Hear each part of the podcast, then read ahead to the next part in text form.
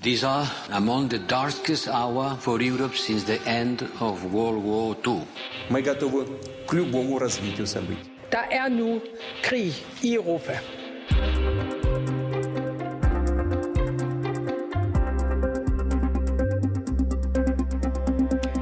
Danmarks topmoderne fregatter til flere milliarder sejler rundt med tomme missilbrønde. De tre fregatter skulle ellers, hvis de havde missiler, kunne nedskyde fjendtlige fly og missiler og reelt dække hele Danmark. Men det kan de ikke på nuværende tidspunkt. 24-7 har fået agtindsigt i et 17 sider langt notat fra forsvaret, der tegner et billede af, at Danmarks store, slagkraftige flådefartøjer måske ikke er helt så slagkraftige i virkeligheden.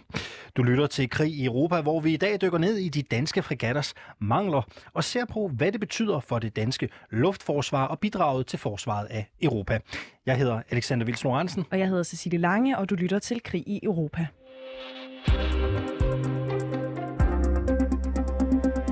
Godmorgen, Anders Puk Nielsen. Godmorgen. Du er militæranalytiker på Forsvarsakademiet med speciale i maritime operationer og øh, Rusland. Vi har jo inviteret dig i studiet, Anders Puk Nielsen, fordi vi med øh, Ruslands invasion af Ukraine synes, det er ganske relevant at lige se en lille smule nærmere på de mangler, der er i det danske forsvar. Øh, den her gang, der har vi fokus på frigatterne. Anders Puk Nielsen, hvorfor er det vigtigt øh, for det danske forsvar, at Danmark har velfungerende, udrustede frigatter? Jamen altså, det er jo altid vigtigt at have veludrustede krigsskibe, øhm, og, øh, og det synes jeg faktisk også, vi har. Altså, øh, det er nogle, øh, nogle udmærkede fregatter, vi har, men øh, altså, der er jo muligheder for at, at udbygge dem og gøre dem endnu skarpere, kan man sige, hvis det, hvis det er den vej, Hvad man kan vil vi gå. egentlig bruge dem til, hvis de for eksempel ikke har missiler, Anders Puk Nielsen? Jamen, de har jo missiler. Øh, det, er, det er jo det første at være opmærksom på. Altså, med, de har jo forskellige pakker af missiler, så der er missiler mod forskellige typer af mål. Og de har jo for eksempel nogle, nogle udmærkede missiler til at skyde andre skibe, mm. dem der hedder harpunmissiler. Øh, det, vi, det vi taler om, det er, øh, skulle de have nogle, nogle længere rækkende luftforsvarsmissiler, altså mod fly og, øh, øh, og indkommende missiler og sådan noget. Øh, og der har vi man så fra start af simpelthen valgt at sige, dem, dem køber vi ikke med, øh, dengang vi byggede fregatterne. Og dem har man så øh, besluttet af efterfølgende. Nu køber man dem, og så får vi en pakke af dem på, på et eller andet tidspunkt inden for de næste par år. Mm. Søværnet har lige nu tre fregatter af Ivar Huitfeldt-klassen. Jeg ved ikke, om jeg udtalte det Ja, rigtigt. Huitfeldt. Hvitfeldt. Hvidtfeldt, okay. Ja, det er gamle dage, der er UAV og sådan noget. Ja, ja. Øhm, altså som forsvaret selv kalder for moderne og slagkraftige krigsskibe. Øhm, de her tre øh, fregatter skal med øh, deres missiler kunne nedskyde fly eller missiler og reelt dække hele Danmark, men det kan de ikke på nuværende tidspunkt. Hvorfor ikke det? Øh, jamen altså, øh, de har jo ikke fået de her øh, meget langtrækkende missiler endnu. Øh, de er på vej med nogle af dem. Så øh, kan man sige, hvad vil man så komme op på at kunne? Man kommer ikke til at dække hele Danmark øh, med de missiler, vi har købt. Øh, det er sådan noget med geometri og cirkler og øh, altså noget, det, det kan ikke lade sig gøre. Men man får øh, muligheden for at dække et noget større område med luftforsvar, end, øh, end man kan i dag. Og det vil være rigtig godt, hvis man for eksempel skal øh, forsvare et hangarskib, ligge i en hangarskibsgruppe, der er sådan en, en skærm af, af beskyttelsesskibe rundt om sådan en hangarskib, og det, der vil det danske skib være rigtig velegnet til sådan nogle typer af opgaver. Øh, hvis, øh, når vi får de der øh, frigatter, eller for eksempel en konvoj, der skulle transportere tropper til de baltiske lande i tilfælde af en krig og sådan noget. Mm. Det, det er jo en, en masse aktuelle øh, ting, øh, du siger. Øh, Problemet er jo bare, at vi har dem ikke i endnu, øh, mm. Anders Puk Nielsen. Hvor stort er problemet det? Altså, jeg vil sige, at i den nuværende situation, der er det jo, øh, der betyder det, at der er nogle typer af opgaver, som den danske fregat er god til, og så dem, jeg nævnte her, dem skal den så ikke være med til, men altså til opgaver, der handler om, øh, om overvågning, for eksempel ligge i området og holde øje med, hvor, øh, hvor sejler der russiske krigsskibe henne, hvor flyver de russiske fly.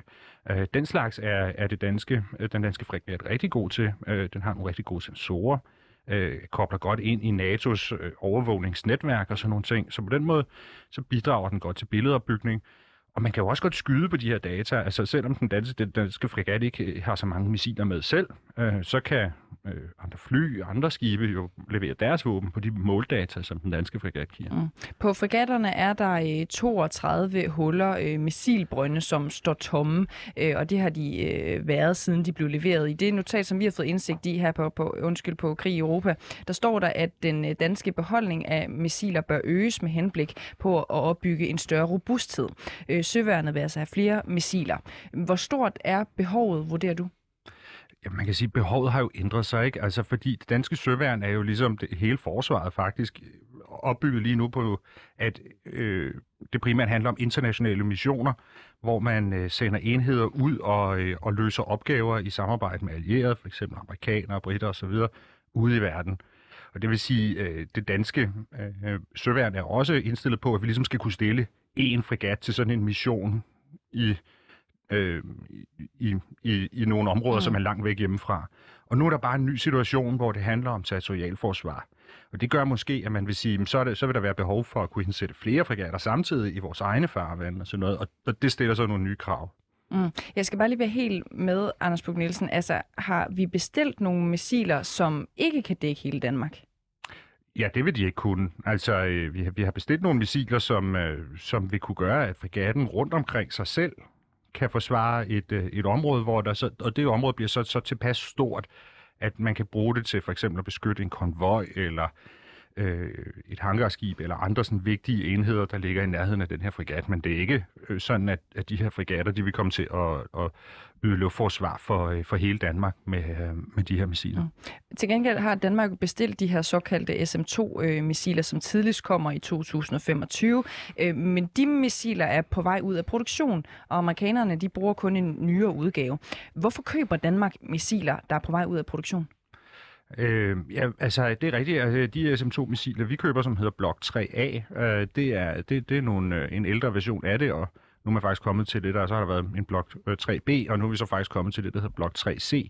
Og det er jo, altså Block 3C er et meget mere moderne missil end 3A, som vi køber, men det øh, tror jeg hænger sammen med, for det første, det nok var billigere, og for det andet, det nok passede sammen med det udstyr, der var i frigatten øh, i forvejen øh, som jo øh, efterhånden er, er ved at være en 10 år gammel. Mm. Men er det hensigtsmæssigt, at man køber øh, de her missiler, som er gået ud af produktion? Altså man kan sige, de er jo ikke sådan, så de ikke er øh, ikke kan noget som helst. Øh, det, det er jo stadig nogle, nogle okay øh, missiler.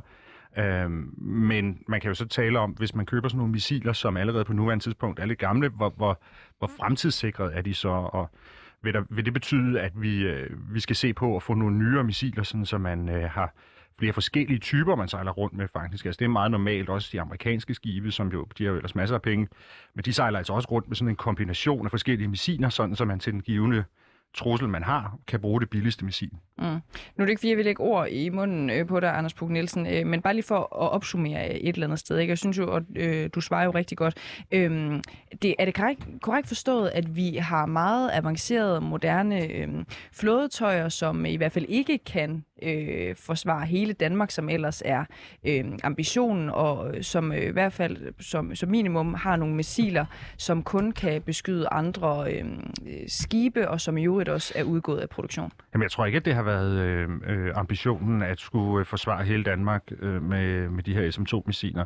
Altså, øh, det er rigtigt nok, dengang at øh, fregatterne blev bygget, der var der nogen, der tegnede sådan en, en, en fin planche, hvor der blev sat sådan en stor ring og se, se her, hvor langt sådan en missil kan række. Men, men det er jo ikke, øh, bare fordi missilet kan række så langt, det er overhovedet ikke det samme, som at man rent faktisk kan ramme noget som helst, der kommer inden for det der. Mm. Øhm, og så derudover, så skal vi jo også være opmærksom på begrænsningerne i de her missiler. Øhm, altså, de kan for eksempel ikke tage ballistiske missiler, som jo er noget, der man godt kunne forestille sig, der kunne komme mod Danmark. Så, så, så nej, det er ikke ambitionen, at de her øh, missiler øh, skal gøre, at fregatten kan forsvare hele Danmark. Og det, og det kommer den heller ikke til at kunne. Anders Puk Nielsen, militæranalytiker på Forsvarsakademiet med speciale i maritime operationer over Rusland. Vi har glædet din ekspertise øh, under hele udsendelsen, hvor du er med os her i studiet, og vi vender også tilbage til dig lige om lidt.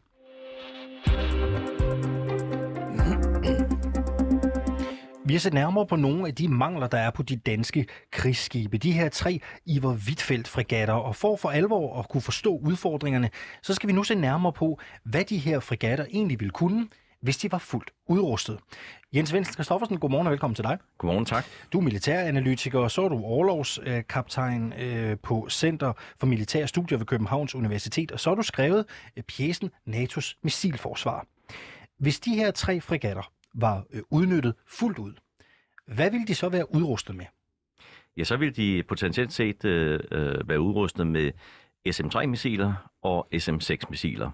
Og de ville øh, kunne passe ned i den øh, Mark 41 launcher, som i forvejen er på fregatterne.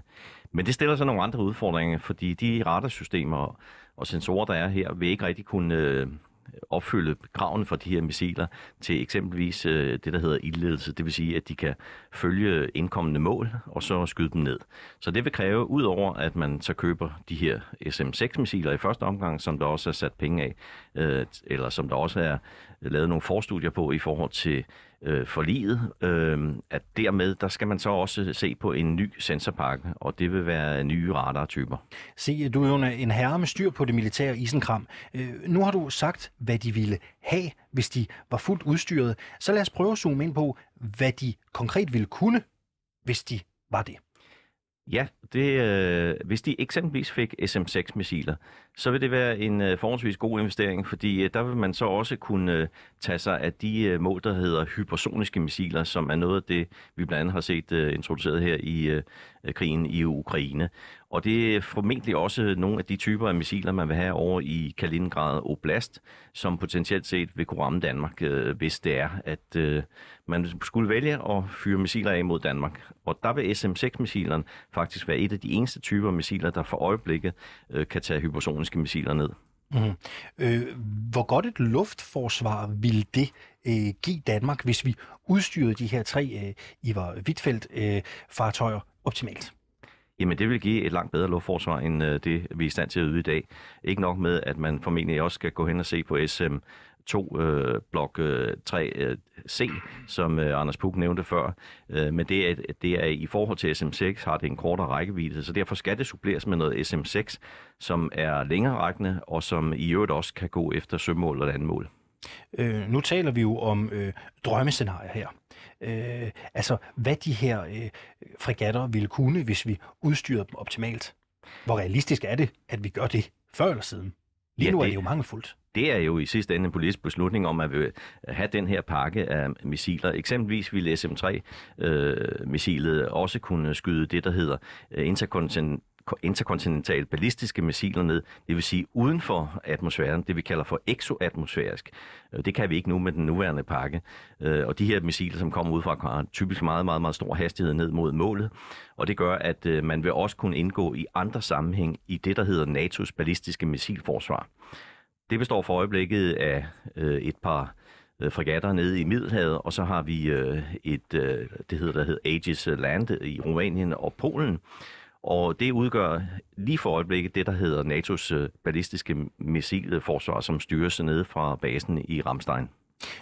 Hvilken position vil det egentlig give os i NATO? Du er jo lidt inde på det her. Ja, det er. Det vil, altså, det ville ændre fregatternes betydning strategisk. Man vil nu kunne lægge en såkaldt paraply, hvis vi forestiller os sådan en meta, øh, metafor, i forhold til det, vi har i dag. I dag der øh, er øh, missilforsvaret varetaget primært af amerikanerne, romanerne og polakkerne i nogle paraplyer, som primært beskytter mod trusler fra Mellemøsten og deres øh, ballistiske missiler.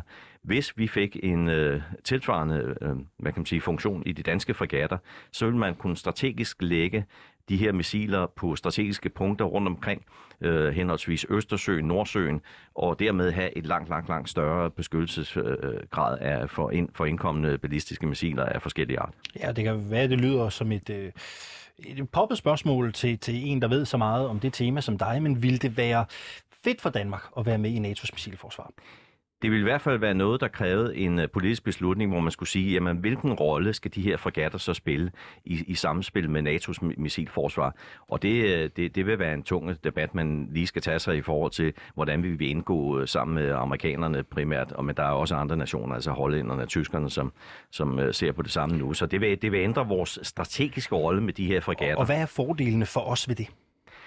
Ja, fordelen jo være, at vi kan beskytte os selv langt bedre, øh, og vi kan beskytte andre lande, altså i, her i Nordeuropa, øh, i langt højere grad end tilfældet er nu. Som jeg sagde før, så kom truslen primært fra Mellemøsten her. Det, det er vores ballistiske missilforsvar indrettet til lige nu kommer den fra, overfra, længere over fra øst, så skal man ligesom have drejet hele det her missilforsvar. Og der vil øh, øh, fregatterne kunne spille en afgørende rolle i forhold til det at beskytte os selv.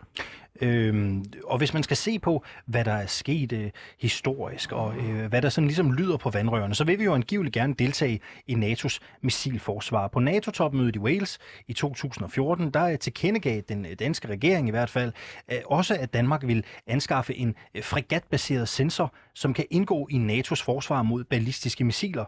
Men det har vi ikke bidraget med endnu, eller hvordan? Nej, det har vi ikke rigtigt, fordi at øh, den her fregatbaserede sensor, som øh, man har talt om, der har været flere forskellige mærker i spil her. Men i sidste ende, hvis man vælger SM3-missilerne, SM6-missilerne, øh, så er der ret få øh, udbydere på markedet øh, til at kunne, øh, hvad kan man sige, levere det her, der som skal, og det vil kræve det, der hedder en midlife-opdatering af fregatterne, hvor man Og det er? og det er simpelthen et, et, øh, et levetidsforlængelse. Nu hvor vi når de her 10 år, så vil man ligesom skulle installere nogle nye pakker i takt med, at man får nogle andre typer af våben. Og det vil sige, at man skal skifte et nuværende radar ud, såvel øh, øh overfladevarsling og som øh, ildledelsesradaren til eksempelvis, det kunne være en øh, Spy 6 radar eller en Spy 7 radar. Fregatterne er langt fra udrustet, øh, som de kunne være på nuværende tidspunkt. Det er det, vi taler om her øh, til morgen. Og de længererækkende missiler, vi har bestilt, det er SM-2'erne. De kommer først tidligst i 2025. Hvilket luftforsvar har vi overhovedet i Danmark lige nu? Altså, vi vil have det, der hedder et nærluftforsvar rundt omkring fregatten. Det er sådan set det, vi kan levere. Og hvad er det? Og Hvis du beskriver det. Jamen, det er et luftforsvar, som vil kunne dække cirka omkring en, en, en plus-minus, øh, altså 30 sømil rundt omkring fregatten er cirka det, vi kan tage med de missilforsvarssystemer, vi har for øjeblikket. Og hvor stiller det Danmark? Jamen, det stiller Danmark, at, at vi kan i princippet kun kan forsvare en mindre øh, flådestyrke eller et mindre område rundt omkring fregatten. Og hvor stort et problem er det, vores beliggenhed taget i betragtning? Jamen, øh, Danmark er, er jo en, det ligger jo strategisk vigtigt. Det, det er noget, der har betydning for, om øh, såvel øh, russerne kan gøre brug af vores stræder, øh, eller om øh, NATO kan gøre brug af vores stræder, ikke mindst. Og det, det nok i højere grad drejer sig om i dag, det er at få øh, hvad kan man sige, NATO ind, øh, så hvor Danmark øh, formentlig vil spille en eller anden form for en opmarsrolle i, i det at afskibe styrker videre over mod en eller anden kampagne, der skulle være. Så det er en meget vigtig strategisk betydning, Danmark har. Og så skal vi simpelthen for, kunne, også kunne forhindre øh, russerne i at, at, at bruge vores øh, stræder, øh, hvis det er det, øh, der måtte komme øh, og være et problem for os. Og hvor alvorlig en mangel er de her, øh, de her missiler nu, hvor situationen ser ud, som den gør i Europa? Jamen altså i den ideelle, ideelle verden, så havde vi jo allerede de her missiler, hvis der var truffet politisk, politisk beslutning om det. Men det er der altså ikke, og så må vi jo ligesom lære at leve med det, vi har, indtil at øh, man øh, træffer en eventuel beslutning om at anskaffe de her missiler eller ej. Altså vi er jo i gang med at se på SM-6-missilerne øh, for forsvarets vedkommende, og det er da en god start, og, og, og den øh, øh, kan man jo kun øh, opfordre til i den nuværende sikkerhedspolitiske situation, at den, øh, den øh, bliver sat øh, i gang, og måske med lidt mere hast, end det er for nuværende. Ja, den skal du næsten have lov til at kommentere på, Anders Puk Nielsen. Hvad, hvad tænker du om det, øh, Jens Wenzel Christoffersen øh, siger her? Jamen, jeg tror i virkeligheden, øh, det jeg står ligesom og brænder ind med her, det er et, et, et vigtigt perspektiv i det her jo også. Vi kan godt opliste hele den her liste over, hvad vi ville kunne, hvis vi havde noget andet udstyr. Men man skal ikke falde i den fælde og tro, at så kan vi gøre alle tingene på én gang. Altså det vil jo så betyde, at når vi så står i en eller anden krisesituation, så vil man så skulle træffe beslutning om, hvad for en af de her opgaver er det, vi, øh, vi synes, at fregatten skal løse i den her uge. Øhm, og øh, jeg, jeg synes da personligt godt, at man, man kan jo godt jo sige, at vi kan jo godt udruste de danske fregatter, ikke sådan så en fregat kan dække hele Danmark luftforsvarsmæssigt, men som måske tre øh, samtidig kunne gøre det. Men er det i virkeligheden sådan, vi i en krisesituation vil øh, bruge vores maritime kapaciteter? Vil vi binde dem til at ligge rundt omkring Danmark og lave den her luftforsvarsparaply, eller skal vi i virkeligheden løse den opgave med noget landbaseret luftforsvar? Så det er sådan nogle diskussioner, vi også herfra skal ind og have. Øhm, I stedet for bare at lave listen over, hvis vi nu udstyrede fregatterne fuldt ud, så vil vi kunne det hele. Jens Wenzel Christoffersen, er der lidt bagklogskab over det, når, når du øh, plæderer for missiler nu, hvor situationen den har ændret sig? Nej, det synes jeg ikke, der er. Jens Wenzel Kristoffersen, øh, tak fordi du var med. Du er militæranalytiker og overlovskaptajn på Center for Militære Studier ved Københavns Universitet. Og Anders Puk Nielsen, du er militæranalytiker på Forsvarsakademiet med speciale i maritime operationer Rusland, og du bliver hængende øh, her i studiet med os øh, lidt tid øh, endnu.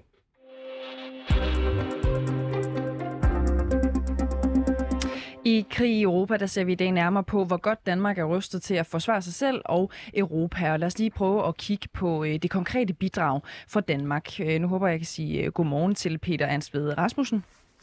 Det kan du godt. Godmorgen. Godmorgen, chefredaktør på Forsvarsmediet øh, Olfi. Øh, Peter Ansved Rasmussen, allerede i januar, der sendte øh, Danmark fregatten Peter Villemos, som er en af de tre i Hvidtfeldt fregatter til NATO's stående flådestyrke. Ved vi, hvilken konkret funktion den har i øjeblikket? Ja, altså det man kan sige omkring den fregat, det var jo, det lød som om det skete på baggrund af en af, af situation, men det var sådan set længe planlagt, at den skulle deltage i den øh, beredskabsstyrker, der hedder SNMG-1, og, og der deltager den, og det gør en dansk fregat løbende, og dens øh, hovedansvarsområde, det plejer at være det østlige, nordøstlige Atlanterhav, og så også Østersøen. Så man kan sige, der patruljerer den i en øh, rolle, som den skulle have haft, uanset om der var krig i Ukraine eller ej. Og så derudover så har øh, Danmark så meldt klar, at man kan deltage med mere, hvis det er. Hvordan øh, bidrager vi ellers? Altså, hvilke våbenmaterialer har vi sendt afsted til henholdsvis Ukraine og til NATO, allieret tæt på krigen? Jamen, altså, vi har jo først og fremmest øget vores beredskab gevaldigt, kan man sige. Altså, øh, denne her bataljonskampgruppe, som er sat i forhøjet beredskab øh, på Antvorskov Kaserne i Slagelse. Det er små 800 mand, som skal være klar til at rykke ud med 1-5 dages varsel. De var sådan set også planlagt til at gå i beredskab, øh, uanset om krigen havde været der eller ej, men da havde beredskabet hed 30 dage. Og der er jo meget stor forskel på, om man er på 30 dages beredskab eller en dags beredskab. Så det er en markant styrkelse af beredskabet her. Samtidig så har vi jo lige sendt 220 soldater til Estland på det, der hedder EFP, Enhanced Forward Presence, som er en mission, NATO har etableret i langs NATO's østlige flanke mod øh, Rusland for år tilbage, hvor vi øh, deltager i en rotation med Frankrig i en bataljon i Estland. Øh, derudover så er der jo de her F-16 fly, altså vi har øh, haft fire F-16 fly udstationeret i Litauen, og de rejser øvrigt hjem her i når ugen og omme, mener jeg det er, hvor de har ligesom fyldt et hul, fordi der manglede nogen til at fylde det hul i det beredskab, der var derovre. De bliver så afløst af et andet NATO-land. Men så har vi jo sendt to F-16 fly til Polen, og vi har i dagtimerne to F-16 fly på beredskab på Bornholm. Så øh, med, med en ekstra fregat, der også sejler i, på et nationalt beredskab i de danske farvand, så kan man sige, så er alle tre værn i hvert fald i markant forhøjet beredskab. Og derudover så er der jo det, som vi så rent faktisk har sendt til Ukraine. Altså der har vi jo sendt nogle øh, panserværnsvåben øh, afsted, som er blevet afleveret i Ukraine.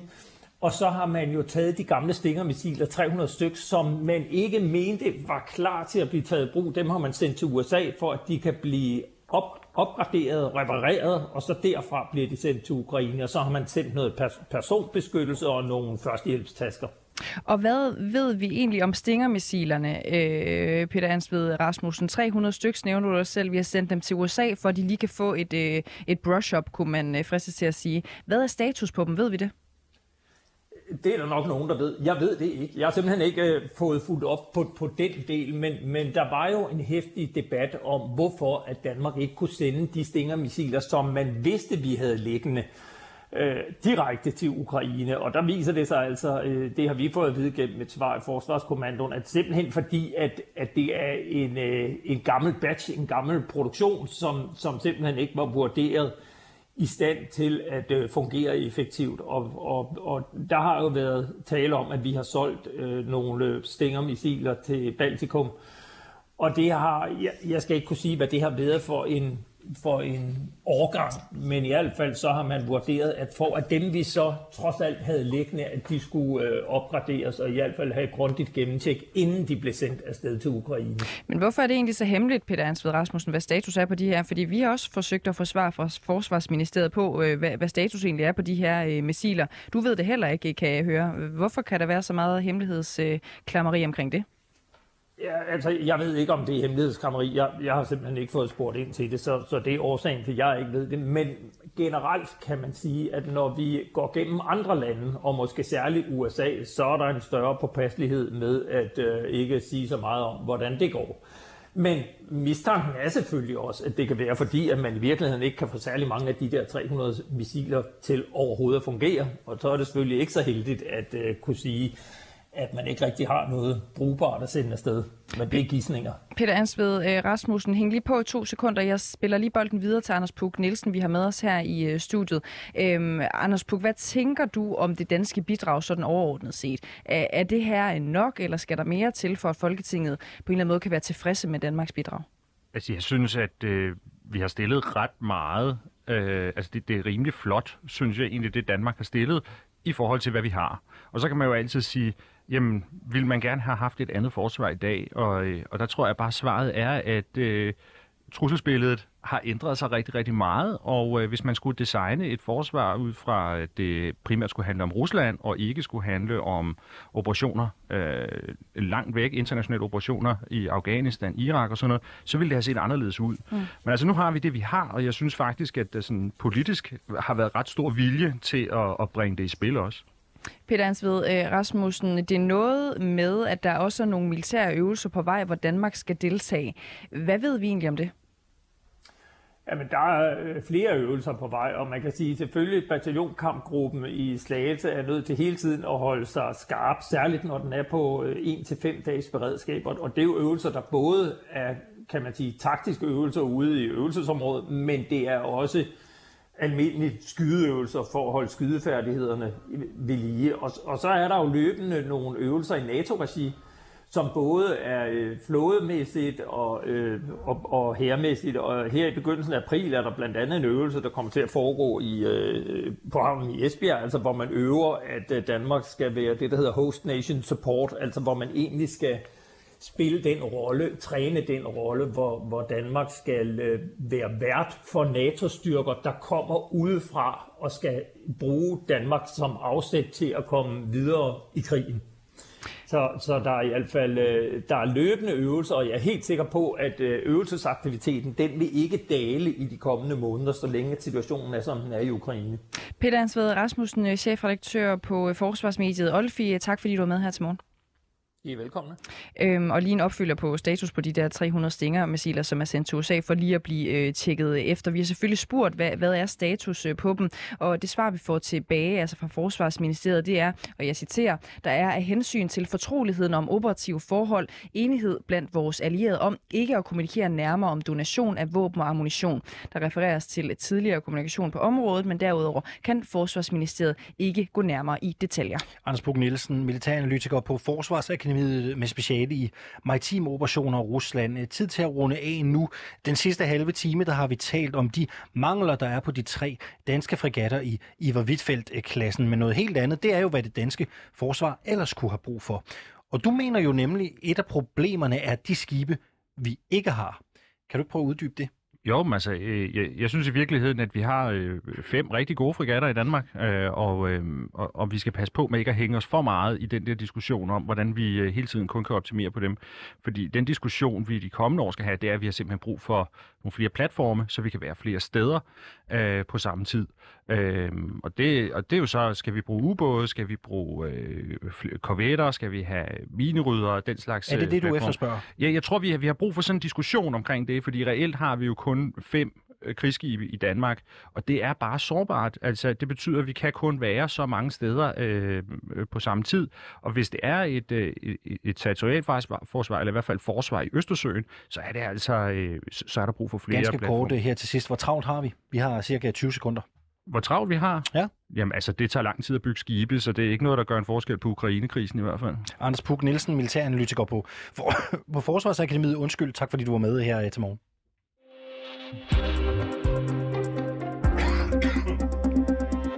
Du har lyttet til Krig i Europa. Redaktionen bag dagens program var Sofie Ørts, Oliver Bernsen, Kevin Takir og redaktør Christine Randa. Mit navn det er Cecilie Lange. Og jeg hedder, og jeg hedder Alexander Vils Lorentzen. Husk, at du kan hente alle versioner af Krig i Europa, der hvor du henter dine podcasts.